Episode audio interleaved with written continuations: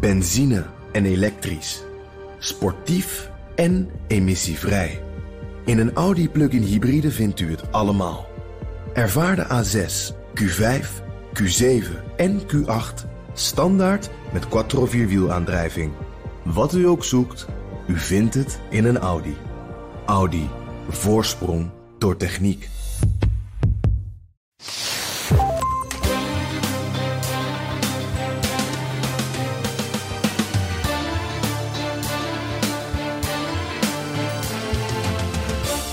Welkom bij aflevering 25 van de Italië-podcast. Ik ben Donatello Piras. En ik ben Evelien Redmeijer. En in deze aflevering gaan we het hebben over migratie. Klinkt ontzettend taai, maar is wel bloedinteressant. Ik krijg nog steeds vaak de vraag of er nog wel die beroemde vluchtelingenboten aankomen in Zuid-Italië. Waar we een aantal jaar geleden zoveel over horen en nu nauwelijks nog. En ik heb als correspondent migratiegolven gezien. En vooral de opstelling van veel Italianen zien veranderen. En ik kan me voorstellen, Donatello, dat jij dat ook wel hebt gezien. Genoeg te bespreken dus.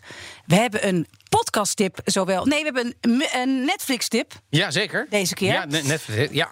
En uh, ja, voordat we naar het nieuws gaan, ik heb uh, een wijn meegenomen. Ja, och, ja. Uh, we toch weer zo op verheugd vandaag. Ja, ja. dus dat is uh, een Gragnano. Het is de Otto Uwe.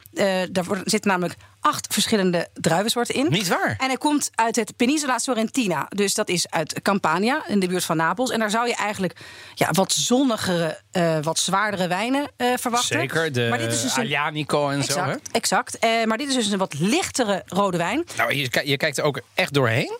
En het lijkt wel een beetje een, een, een, een Novello, een Beaujolais-achtige wijn. En hij geeft zelfs een beetje dat schuimpje, wat grappig als je het inschenkt. Maar ik heb stiekem al een slok genomen. En het is super super lekker. Hij is heel licht, heel fruitig, een beetje rode bessen. Maar acht druiven had ik nooit gedacht, joh. Acht druiven, jawel. Uh, maar dit is dus, komt dus van 500 meter. Uh, Campania heeft ook uh, genoeg bergen en heuvels. En hij is maar 11,5 procent. Dus het is een relatief lichte wijn. En het grappige vind ik, hè, de technologie staat voor niets. Er staat een code op waar je dus met je telefo tele telefoon op ja, kunt gaan. Een QR-code, ja. Een QR-code. En dan krijg je een heel filmpje te zien van deze wijnboer. En het is een wijn die ik hier in Amsterdam heb gehaald. Bij Terrelent op de West straat. En het wijnhuis is Salvatore Martuscello.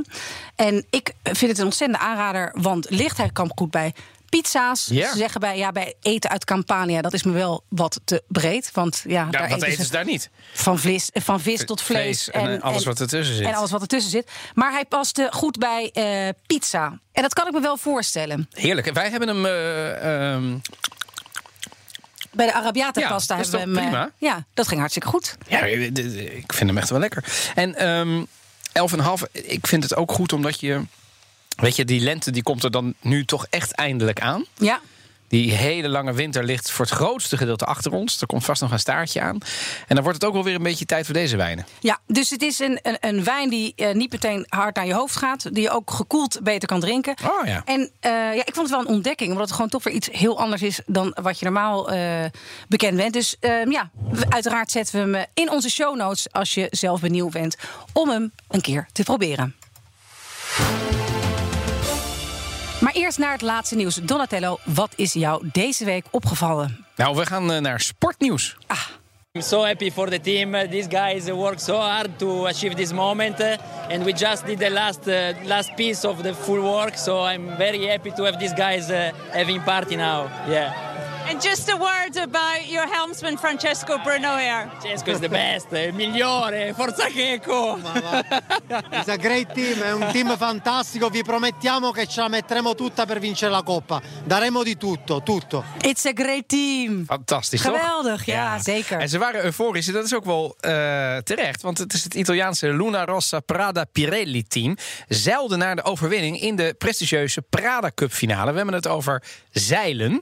Uh, en die Italianen wonnen de serie met maar liefst 7-1 van, de van het Ineos-team van de UK. En die gaan door naar de America's Cup match tegen titelverdediger Emirates Team in Nieuw-Zeeland.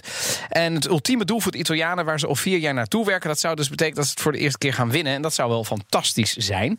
Um, en um, ik uh, zat toevallig ook nog te appen met uh, zeg maar iemand. ook een, een van mijn favoriete wijnleveranciers van Vino Vetro met Patrick. En die wilde daar eigenlijk naartoe. Maar ja, door die kan hele. Ja, nou ja, nee, dus Hij wil, eh, door die lockdown kan het niet. Ja, je kan wel, maar dan moet je eerst twee, dagen, twee weken in quarantaine in Nieuw-Zeeland. Ja, en dan is het al voorbij. Want het is in maart, gaat deze prestigieuze zeilwedstrijd dus eh, gevaren worden. En ik vind het wel leuk, want ik heb het een beetje gevolgd. Ik bedoel, ik heb ook vrienden die de app zeg maar hebben en die dit helemaal volgen en er s'nachts voor opblijven. Eerlijkheidshalve, zo heftig volg ik het niet. Maar wel dan iedere dag. de. En ik heb dat Italiaanse team wel een beetje beter zien worden ieder jaar. En ik heb ook naar die post, zeg maar, post-race interviews gekeken. Waar we net een klein fragmentje van hoorden. En ze zijn wel redelijk euforisch hoor. Maar is er een sport eigenlijk die jij niet volgt? Oh, he- eh, genoeg. Ja? Ja, American voetbal, basketbal. Kan je allemaal gestolen worden. Maar zodra er iets. Heeft het dan een soort constante dat als er Italianen gewoon Nee. een beetje hoog in de, in in de ranking staan. Nee, want het- basketbal zijn de Italianen best wel goed in. Interesseert me echt de rozen. En ik ga nu mensen beledigen, dat weet ik al. Want mensen ah, je weet niet wat je mist. Vast wel. Nee, er zijn, nee, nee, kijk, voetbal is natuurlijk eh, sport nummer één. Ehm, dan volg ik wielrennen heel erg op de voet. En dan zijn er, kijk, skiën en zo. Hè, we komen net uit het WK skiën in Cortina d'Ampezzo. Italianen hebben het vreselijk slecht gedaan. En dan kan ik ook wel balen. Eh, en er doen geen Nederlanders aan mee. Ja, en, eh, het is niet helemaal waar. Eén Nederlander werd 25e. Dus daar viel ook geen eer aan te behalen. Maar ik vond dit wel leuk. Zeker omdat het dus een, eh, ja, een unicum is voor Italië. Ja, dan is mijn nieuws deze week eh, van een, eh, ja, hoe zou het moeten zeggen? Eigenlijk een taalnieuwtje. er is er namelijk een nieuw woord opgenomen in het Italiaanse woordenboek. Italiaanse vandalen. Umarelli. Weet je dan, umarelli, weet je dan eh, wat, dat, eh, wat dat zijn? Nou, het staat pas net in het woordenboek, dus het is je vergeven als je niet weet wat het zijn. Umarelli? Ja, umarelli. Dus dat is eigenlijk dan met een soort apost, apostrof aan het eind. Maar het klinkt als eh, Campania. Nou, ja, wel, wel Zuid. Dus dat, dat, daar zit je goed. Maar het is dus eigenlijk. eh, in 2005 is het bedacht door een schrijver. En dat is van het zuiden echt een begrip. Het, ga- het zijn namelijk de oudere mannetjes. Meestal al met pensioen. Oh, die bij ehm, eh, ja, plekken waar eh, gebouwd wordt. staan te kijken. Dus die staan daar dan in een groepje met de handen op de rug. Ik zit nou heel veel tegen hoe het nou een het in het Nederlands zegt. De bouwplaats. De bouwplaats. Wat Ja. aanstellerig dat ik het Nederlandse woord niet weet. Je doet de. Italië-podcast, dat je doet het niet. En ik heb het hier in het Italiaans staan. Maar ik dacht, ja, ik kan er nu wel heel erg omheen gaan praten. En dat mensen het nog minder begrijpen. Maar inderdaad, die staan dus bij een bouwplaats. Ja. In een dorp, bij een dorp, bij een stadje. En dan staan ze daar gewoon rustig te kijken. eh, met de handjes op de rug. Een beetje in de gaten te houden. Geven ze ook zo nu en dan tips aan de mensen die daar in de bouwplaats aan het werk zijn. En, eh, Ongevraagd, neem ik on- aan. Uiteraard on- ongevraagd. En dat is dus eigenlijk een soort hobby geworden van oudere mannen. En het is een begrip dat die dus vast eh, bij, eh, bij bouwplaats staan. En die hebben dus nu hun eigen plekje. Omarella. Umarelli. Ik had hier In het Italia- nog nooit in van het gehoord. Ik heb er wel heel Hij veel beeld erin. bij.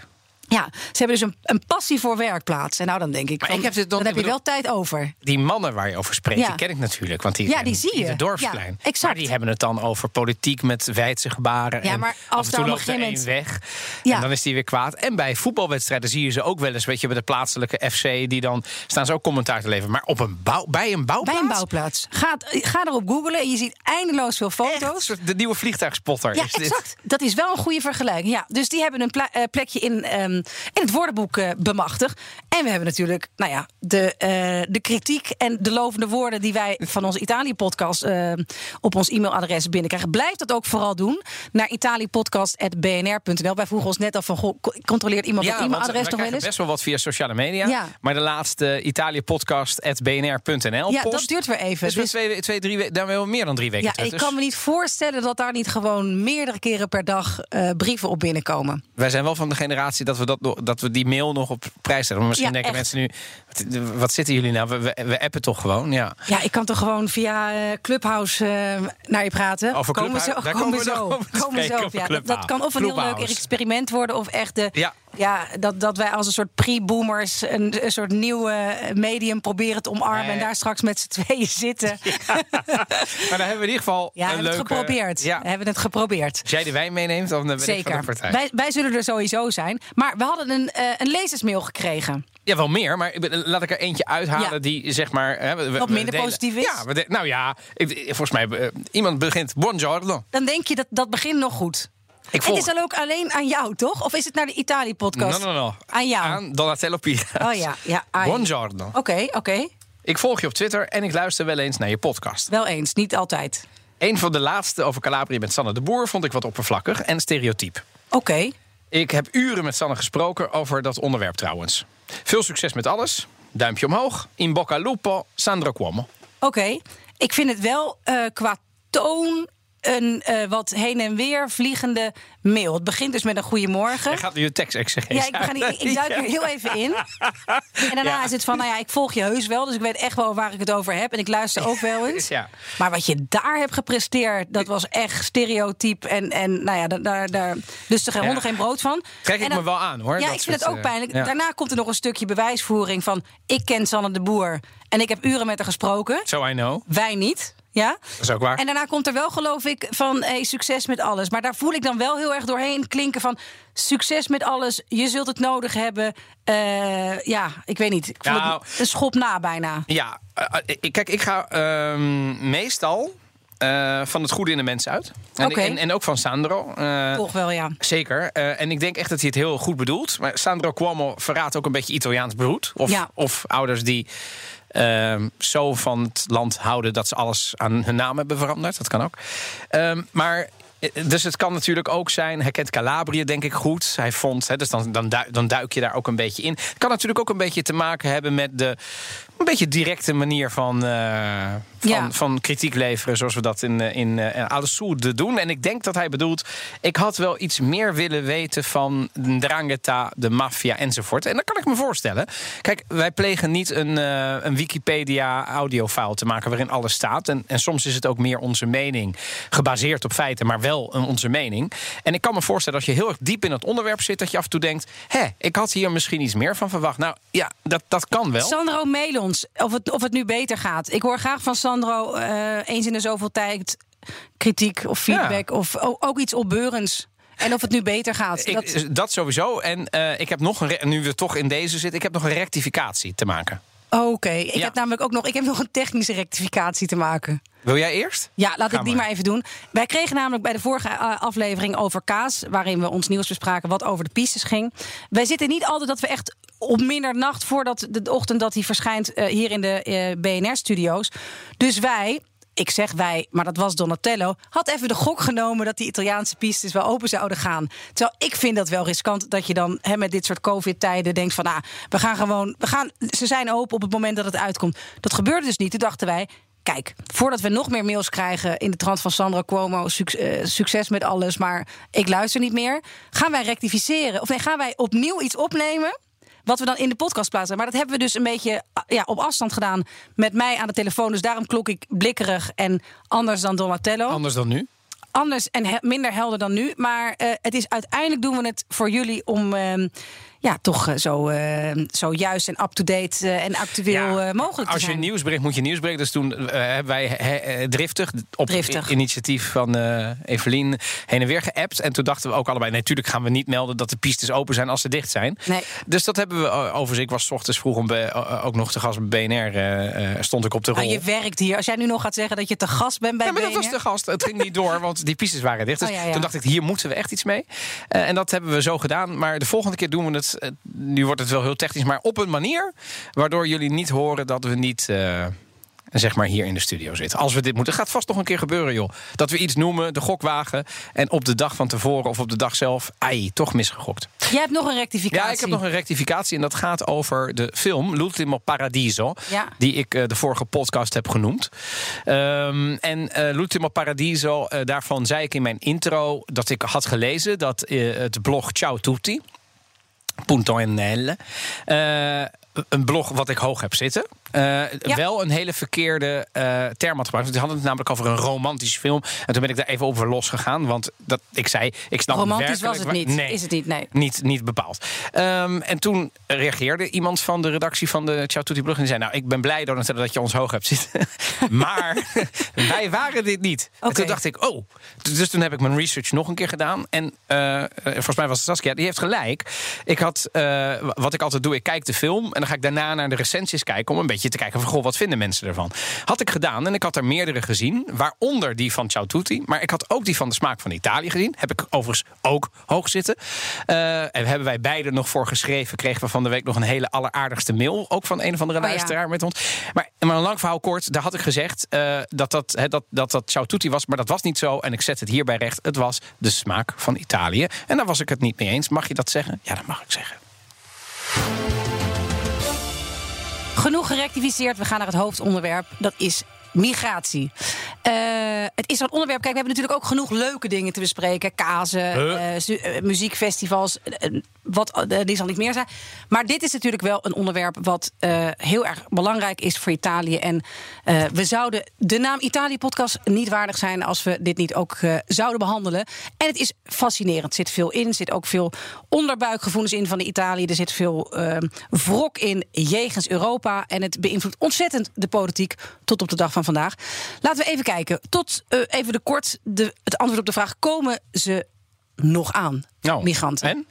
Nou, ze komen zeker nog aan. Niet zoals in 2013, 14 en 15. Want toen waren de aantallen heel hoog. Die, dat was gigantisch. Dat was 170.000, 150.000. Maar als je gewoon kijkt naar 2020, dan eh, is dat een stuk minder. Maar nog wel altijd eh 34.000. Maar en- en even terug, wat was het meeste? Wat, je noemde iets van 100? 170.000. Dat is al in Oeh. 2014. Ja, dan is het. Ja. Dat, dat, waren er 140.000 min- mensen meer kwamen toen aan. Zeker, en dat was ook En dit zijn jaarcijfers. Dit toch? zijn jaarcijfers. Maar het is ook wel belangrijk om daarbij te zeggen dat ehm, de aandacht van de media, en daar maak ik mezelf ook schuldig aan, hè, dat je dus ergens naar kijkt en dan daarna een stuk minder, eh, die was er toen veel meer. En ehm, Maar dat was toch ook ten, eh, in het hoogtepunt van de vluchtelingencrisis? Klopt, klopt. Dus het was eigenlijk, je moet voorstellen, wanneer is die hele die, die bootjes. Het is niet dat daarvoor nooit bootjes zijn aangekomen. Dat was daarvoor ook, maar dat was veel meer mondjesmaat. En Italië, de Italiaanse regeringen hadden vaak deals met dictators in Noord-Afrika om die bootjes tegen te houden. Ja, dat, dat klinkt heel cynisch en dat is het ook. Maar uiteindelijk is ook een Turkije-deal laatst opgetuigd. En dan wordt er ook samengewerkt met landen waar misschien een kustwacht eh, een stuk minder eh, vriendelijk te werk gaat. Om uiteindelijk een probleem, zoals wordt gezien, en dat snap ik ook wel, eh, het hoofd te bieden. Maar toen kwam de Arabische lente, Ja. 2011. En toen kwam het echt op gang dat er gewoon massaal bootjes aankwamen. En toen was het ook niet echt dat er een Europees mm, apparaat was om die bootjes mm, tegen te houden, of om dat samen op te lossen, of om te patrouilleren, om te kijken. Eigenlijk, als je de- na- nu nadenkt, is er nog steeds niet echt een Europese oplossing voor, het, ehm, voor migratie naar Europa. Maar kan jij je nog herinneren, zeg maar, op in 2013 en 14, hè, ook een gigantische, zo'n zo'n schipbreuk waar honderden migranten eh, toen, in, ehm, eh, toen in 2014, oktober, toen overleden. Nou, dan stond daar in, op Lampedusa, dat eilandje tussen Italië en Noord-Afrika in, het vol met eh, journalisten. Maar ja, toch, dat begrip en solidariteit en die interesse ervoor, die is wel echt veranderd. Heb je dat zelf ook gezien om jou heen, hoe er over Ja. migranten werd gesproken? Dat het ging van medelijden en, en begrip voor en we moeten ze opvangen, want wij zijn ook een land van migranten. Ehm, dat, dat, heeft, dat dat is omgeslagen. Ja, zeker. Ik heb het eh, nergens aan den lijve ondervonden, omdat ik niet mensen ken die. ehm, Bijvoorbeeld daar op Lampedusa zelf zijn geweest. Eh, Ik heb het wel gewoon met de gemiddelde Italianen, of het nou was met de camping-eigenaar of met vrienden van mij die nou in Milaan wonen, wel wel zien veranderen in inderdaad wat jij zegt. Hè? Eerst een be- eh, redelijk begripvol van ja, maar ja, het is toch logisch dat ze aankomen. Arme mensen. Arme Ja. mensen en zeker op Lampedusa ook. Hè? En, Ja. en, en, je, en je zag het op een gegeven moment eh, veranderen. eh, naar, en dat had natuurlijk ook te maken met die gigantische aantallen. Toen het, toen het zeg maar helemaal eh, overstroomde. eh, ja, toen, toen was er geen houden meer aan. En eh, ik, ik denk dat dat toen. Ik, parallel is gegaan met het feit dat er toen ook steeds stevigere taal door de politiek uiteindelijk is gekomen. Hè. Dat, toen ook de Lega en de andere partijen daar ook over Movimento Cinque Stelle heel, heel veel meer over zijn ge- eh, gaan schrijven eh, en gaan, eh, gaan praten. L'Italia non è un enorme campo profughi, dove decidono tutto mafiosi e scafisti. Lo Stato torna a fare lo Stato, continuiamo a salvare vite umane, però chiederemo anche ai nostri uomini e donne eccezionali della Marina Militare e della Guardia Costiera di stare più vicini alle coste italiane. Ja, dat was dus eh, Salvini. In hemzelf. Ja, die dus zegt van nou, Italië, hè, dat is eh, ja, wat je ook van hem eh, mag vinden. Het is in ieder geval een populistische leider. En, en die worden Ja. ook in Italië gekenmerkt dat ze heel erg in slogans praten. Ja. Hè, en dit was een van zijn slogans. Ik vond dit overigens nog, bedoel, dit was niet een enorm heel Nee, nee, nee, zeker. Helemaal, Het is dit niet was alleen een maar best wel genuanceerd Ja. statement... waarvan hij zei van, joh, Italië is niet de opvangplek voor heel is, de wereld. is geen migrant of is geen eh, asielzoekerscentrum Nee. eh, van Europa. Maar dat hoor je dan zo vaak. En dat gaat. Dus dat- we willen ze wel opvangen, zegt hij Ja. er dan ook nog bij. Hè? En we- en we redden mensen, redden. want we gaan niet dat laten ze verdrinken. Maar we moeten wel eh, ja, actie ondernemen. En, en dat, dat is, tekent denk ik ook wel een beetje de mentaliteit van de Italianen... die, die volgens mij wel is veranderd. Ehm, en, en ik, ik heb heel erg gevoeld, heb ik zelf ook nog wel ehm, eh, als Italië-kenner vaak het woord over gevoeld, dat ze zich op een gegeven moment echt in de steek gelaten voelden door Europa. Hè, dus Europa was eerst, we zitten, hey, Italië hoort bij Europa, we, we gaan het allemaal samen oplossen. Toen kwam die vluchtelingencrisis. En toen weet ik nog dat Rutte ook nog eh, ergens heeft gezegd: Ja, jongens, zoals Rutte dat zo mooi kan doen. Weet je, kijk, Nederland ligt nou eenmaal niet aan de Middellandse Zee. Daar kan ik natuurlijk niks aan veranderen. Ja, je hoort het hem, ja, je hoort het hem zeggen. Ja, ja, ja, ja, Ja, ja, en dus dat moeten ze, met andere woorden, los het op, lieve mensen. Jullie wonen daar, dus het is ja niet. En, en in Nederland kunnen we daar niks mee. Terwijl de Italianen hebben dat heel erg ervaren als ja, wat nou, we kunnen er niks mee. We zijn dan toch ook één Europa.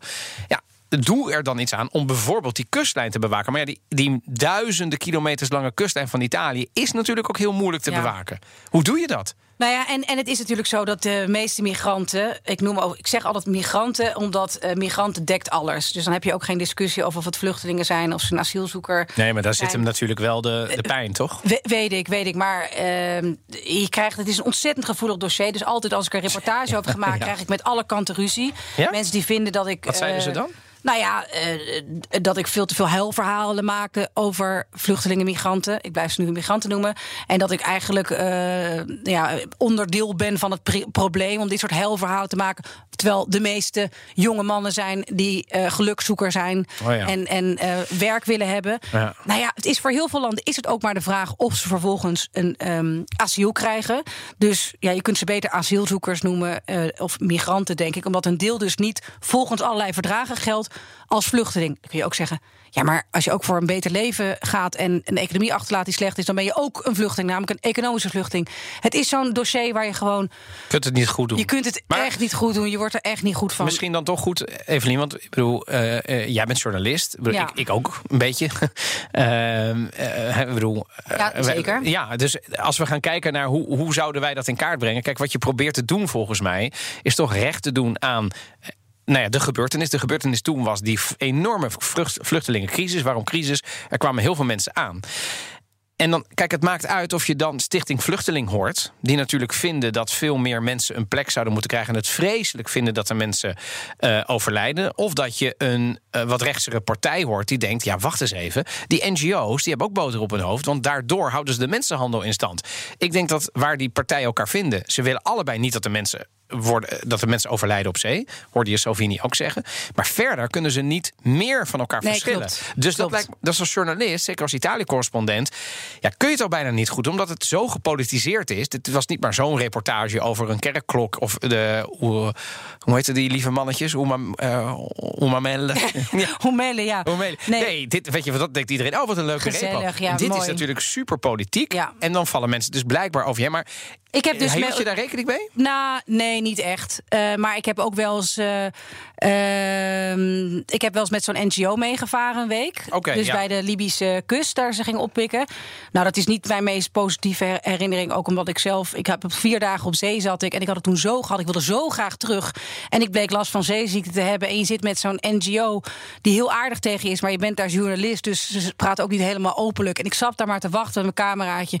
En er was op een gegeven moment een melding s'nachts. Er is een rubberboot in gevaar. Toen dacht ik, ik ga nu hoe dan ook mee met die boot. Die rubberboot oppikken. Want anders kom ik hier nooit meer weg. En dan zit ik de hele maand oktober hier op een boot. Niet overleg met RTL Nieuws. Die waarschijnlijk niet hadden gezegd van... hé, hey, goed idee, ga maar in het donker op een rubberen boot zitten. En ik weet nog dat we daar over die golven gingen. En ik dacht, ik ben wel knettergek dat ik hier zit. Jemig. Sowieso zag ik de lichtjes van de Libische kust. Nou, ook niet heel prettig hoe dichtbij je dan bent.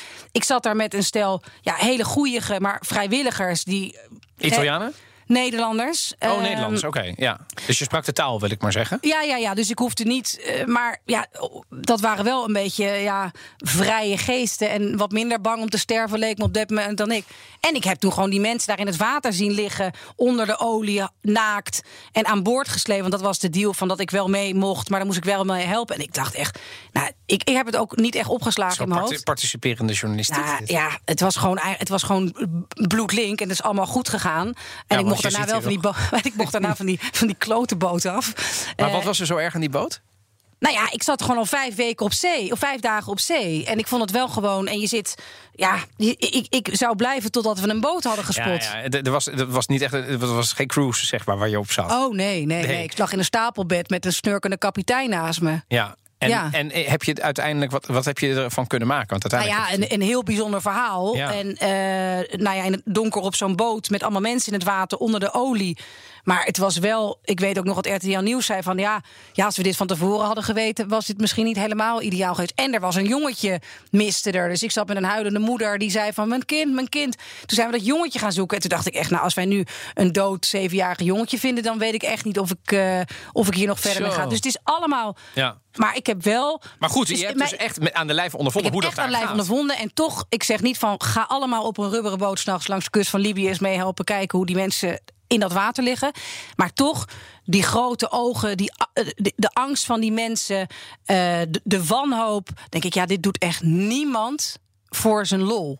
Nee, en dan nee, zal nee, er wel iets zijn. En of het nou komt omdat de smokkelaar veel te, goede, verha- veel te mooie verhalen vertelt. Of omdat je eh, vreselijk uit vreselijke omstandigheden komt. Omdat je het, het risico loopt vervolgd te worden. Omdat je, omdat je homo bent. Allemaal redenen. Maar Of je omdat gaat je gewoon niet... in een groot gezin woont en je weet dat in Europa Exact. ze het goed hebben. Exact, dus je doet het niet zomaar. Ik zou ook gaan. En Ja. nee, dames en heren, ik vind niet dat Italië iedereen maar moet opnemen. Ik vind ook niet dat Nederland iedereen maar moet opnemen. En ik vind dat de politici een veel betere oplossing voor dit vluchtelingenprobleem moeten vinden. Dus dat gezegd hebbend, ik. Ik vind dat politici die heel erg tegen vluchtelingen zijn, maar tegelijkertijd de geldkraan naar Afrika dichtdraaien, boter op hun hoofd hebben. Want als je geen ontwikkelingssamenwerking meer doet en Afrika blijft arm, Ja, dan zul je altijd dan een zul je soort, eh, altijd mensen hebben die denken: blijven. verdorie, ik zie daar de lichtjes van Italië, dat heet Lampedusa. En als ik daar kom, Ja. dan, dan kan ik ook naar Noord-Italië, dan kan ik naar, naar Zwitserland, dan kan ik naar Nederland. Want daar hebben ze het allemaal beter. Dus het zijn natuurlijk vreselijke verhalen als je erin duikt. Maar ik vind het eh, ja, mooi om te horen. Het is natuurlijk een vreselijk verhaal, maar ik vind het wel mooi om te horen dat jij zo dicht bij die ellende bent geweest. Ja, wel een beetje te, te dichtbij. En ik ben er in die zin eh, tussen aanhaling, aanhalingstekens trots dat ik het heb gezien. Maar het was wel een te.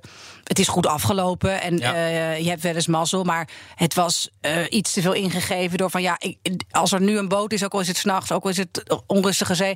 Ik ga daarop. Dus ik heb me gewoon. Ik zat ongeveer in die rubberboot klaar. eh, Zegt wel iets over hoe je je toen voelde. Je, voelde, je dacht niet echt. Nee, ik blijf nee het, was, een het, was, het was flink roek, roekeloos. Maar, maar goed, voldoende. om, ook weer niet zo roekeloos, wil ik erbij zeggen. Ik ben geen losgeslagen gek. En ik zat er bij mensen aan een boot. En ik had een, een, uiteraard een vest, een, een reddingsvest aan. Maar je weet dan wel ook niet of die mensen, die NGO's... die hebben heel veel goede bedoelingen. Die doen geweldig werk. Zonder eh, de NGO's was er echt nog veel meer chaos geweest op die plekken. Eh, maar ik snap ook wel dat ze een rol hebben... waar mensen moeite mee hebben. Dat ze dus op, weer op worden opgepikt. Dat kreeg je op een gegeven moment op die Middellandse Zee. Dat ze maar een heel klein stukje hoefden te varen. Dat die tanks van die eh, bootjes vaak maar voor een heel klein beetje vol zaten. Ja, dan werden ze toch wel opgepikt. Die mensen daar wel daar, voor. smokkelaars, ja. Ja, en dan werd. En, en maar dat is natuurlijk. Kijk, ik, hier kom je nooit uit. Nee. Want dat is waar. Ga je die mensen dan straffen omdat die smokkelaars eikels zijn? Nee, toch? Van, Nou ja, er zijn dus partijen Die dat weet je, vinden, die zeggen: ja. ja. luister, zolang jullie dit doen, houden jullie die mensen smokkel in stand. En die mensen die vangen dus duizenden euro per persoon om die mensen dus die zee op te. En dat is ook onmenselijk. En dat is ook zo. Dus. Het, we houden ook wel door dat systeem uit humane overwegingen Ja. van die NGO's. houd je ook wel in stand dat mensen, criminelen gewoon, die dat in Afrika doen om geld te verdienen. en verdienen aan andermans leed. eh, die soms mensen, die moeders, die vluchten dagenlang door de, door de bush, bush. en dan komen ze eindelijk in die havenstad. Ze hebben alles achtergelaten. En ze weten gewoon dat ze die moeder met kind de zee opstoppen. en dat de kans om te overlijden zeer aanzienlijk is. Ja, dan ben je gewoon een, enorme crimineel. En dat houdt je dan meer een beetje in stand als je weet dat die NGO's daarbij bij komen om dat te doen. Dus dat, ik zeg niet dat ik het daarmee eens ben, maar ik snap ook de andere kant een beetje. Maar Donatello, Italië voelt zich ook, wat jij net zei, in de steek gelaten door Europa. Wat, wat, is dat nog steeds zo in jouw ogen? Jazeker, dat is niet weg. Vroeger was het zo dat je een. Uh, je had zeg maar. Uh, een, een operatie, die heette Operatie Mare Nostrum. Dat is de Latijnse naam voor de Middellandse Zee. En uh, dat is een, een, dat, zeg maar, dat is een, een, een missie. en ik ga niet alle cijfers geven, maar die draaide van 2013 tot 2014. Die heeft een ruim jaar gelopen ongeveer.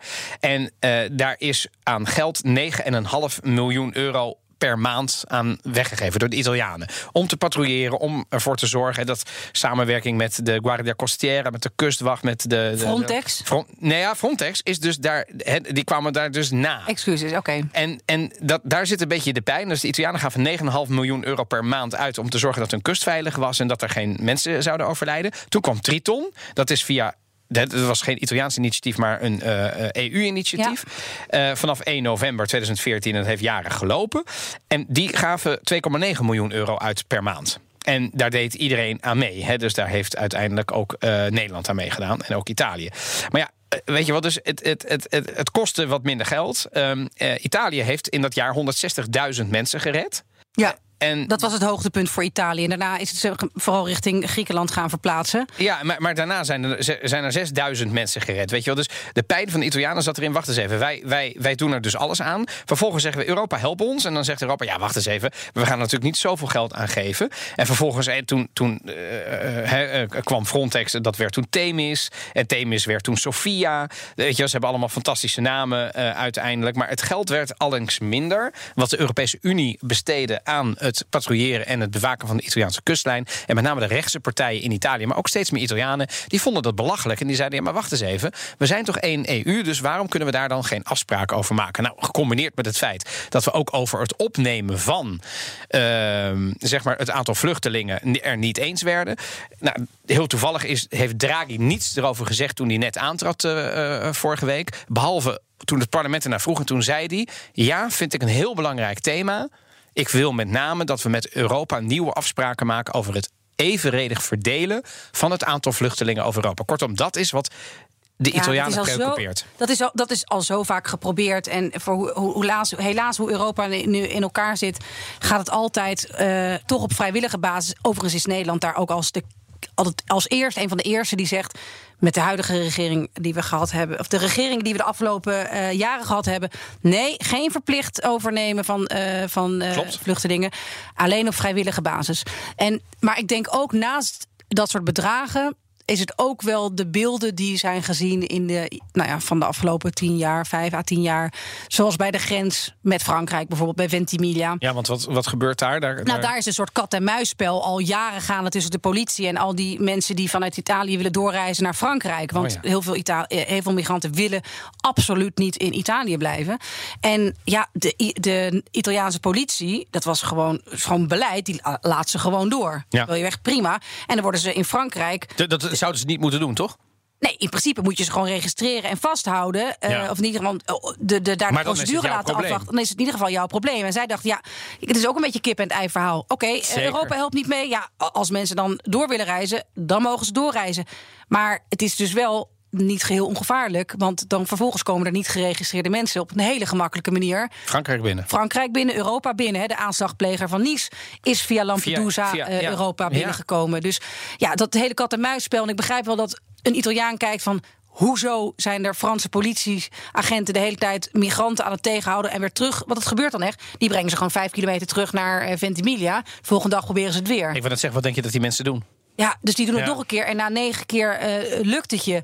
Maar het is, het is uh, als ik dan toch een soort final thought uh, Graag. mag doen. Ik vind het vooral opvallend dat het steeds minder nieuws is. Hè. Dus ook als er bootjes omslaan, ook als er doden zijn. Beetje ook inflatie. Er, ja, we, we, kijken er steeds minder van op. En hoe dat in 2013 en 2014 nog leefde. En, en hoe vreselijk dat was. En de medelijden die we voor die mensen voelden. Dat is echt als sneeuw voor de zon verdwenen. En nu is het, als het ja ergens op bladzijde 6 wordt genoemd, uh, is het veel.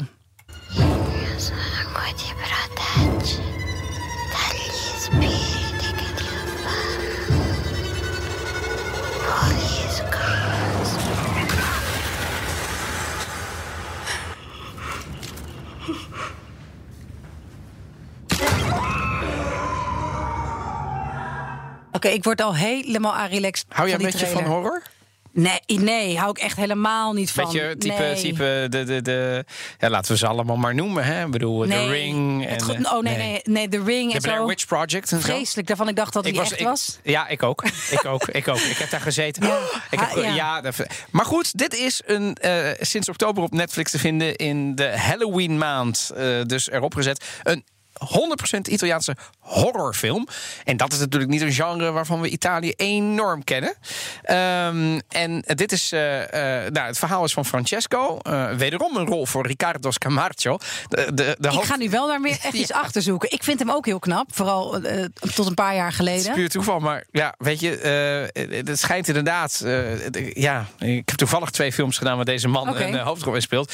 Hij speelt ook niet in alle toppers. Ehm, daarmee zeg ik misschien al iets over deze film. Eh, is samen met zijn aanstaande vrouw Emma, dat wordt weer gespeeld door de Argentijnse Mia Maestro, en haar dochter Sofia op weg naar zijn moeder, die ergens in het uitgestrekte zuiden van Italië woont. Zuiden van Italië is Puglia.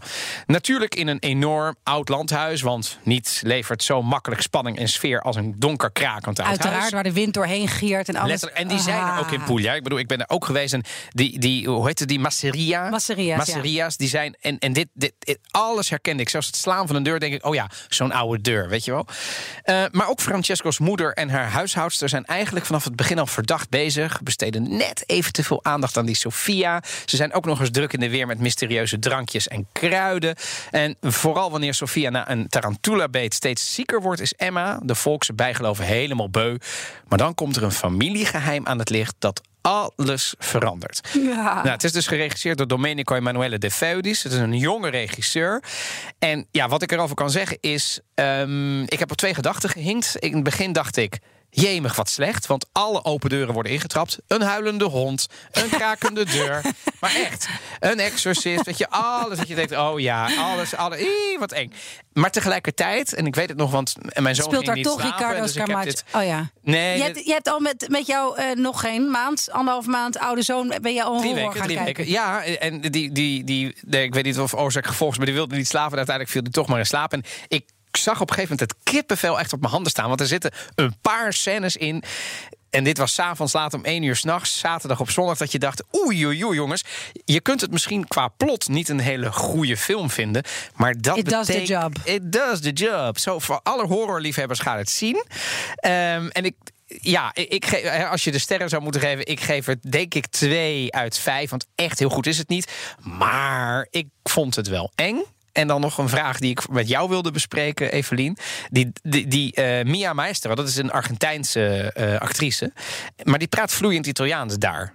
En toen dacht ik, Dat kan. ja, dat kan. Er zijn genoeg Spaanse actrices Ja, die... maar ik heb eh, haar nog nooit eerder in Italiaanse films ben. En alle Italiaanse, dat is niet waar. De Italiaanse films waar ze voorheen in speelden, werd ze nagesynchroniseerd. Ik ga er naar Dus, kijken. Ik kom Denk jij dat terug. het kan dat zij is doppiata na afloop? Ehm, Zou dat kan, kunnen? Dat kan, dat kan. Ja, ja de, de, de, de Il Mondo del Doppiaggio in Italië is Eh, echt... Daar zou- zijn ze echt... eh, Zou jij dit eh, kunnen checken voor ik, kom, de... ik kom hierop terug. Ik kom hierop terug.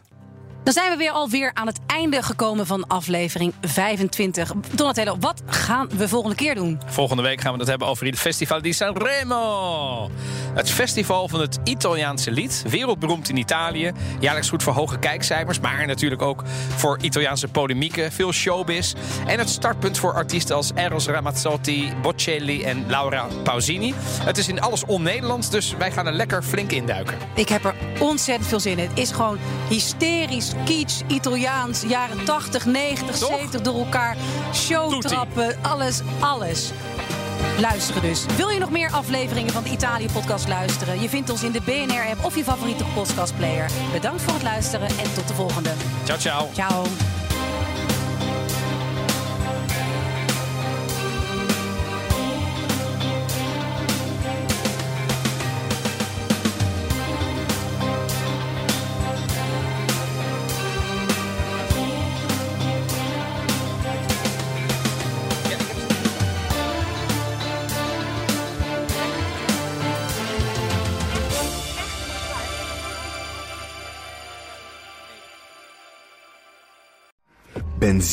En elektrisch. Sportief en emissievrij. In een Audi plug-in hybride vindt u het allemaal. Ervaar de A6, Q5, Q7 en Q8 Standaard met quattro vierwielaandrijving. Wat u ook zoekt, u vindt het in een Audi. Audi. Voorsprong door techniek.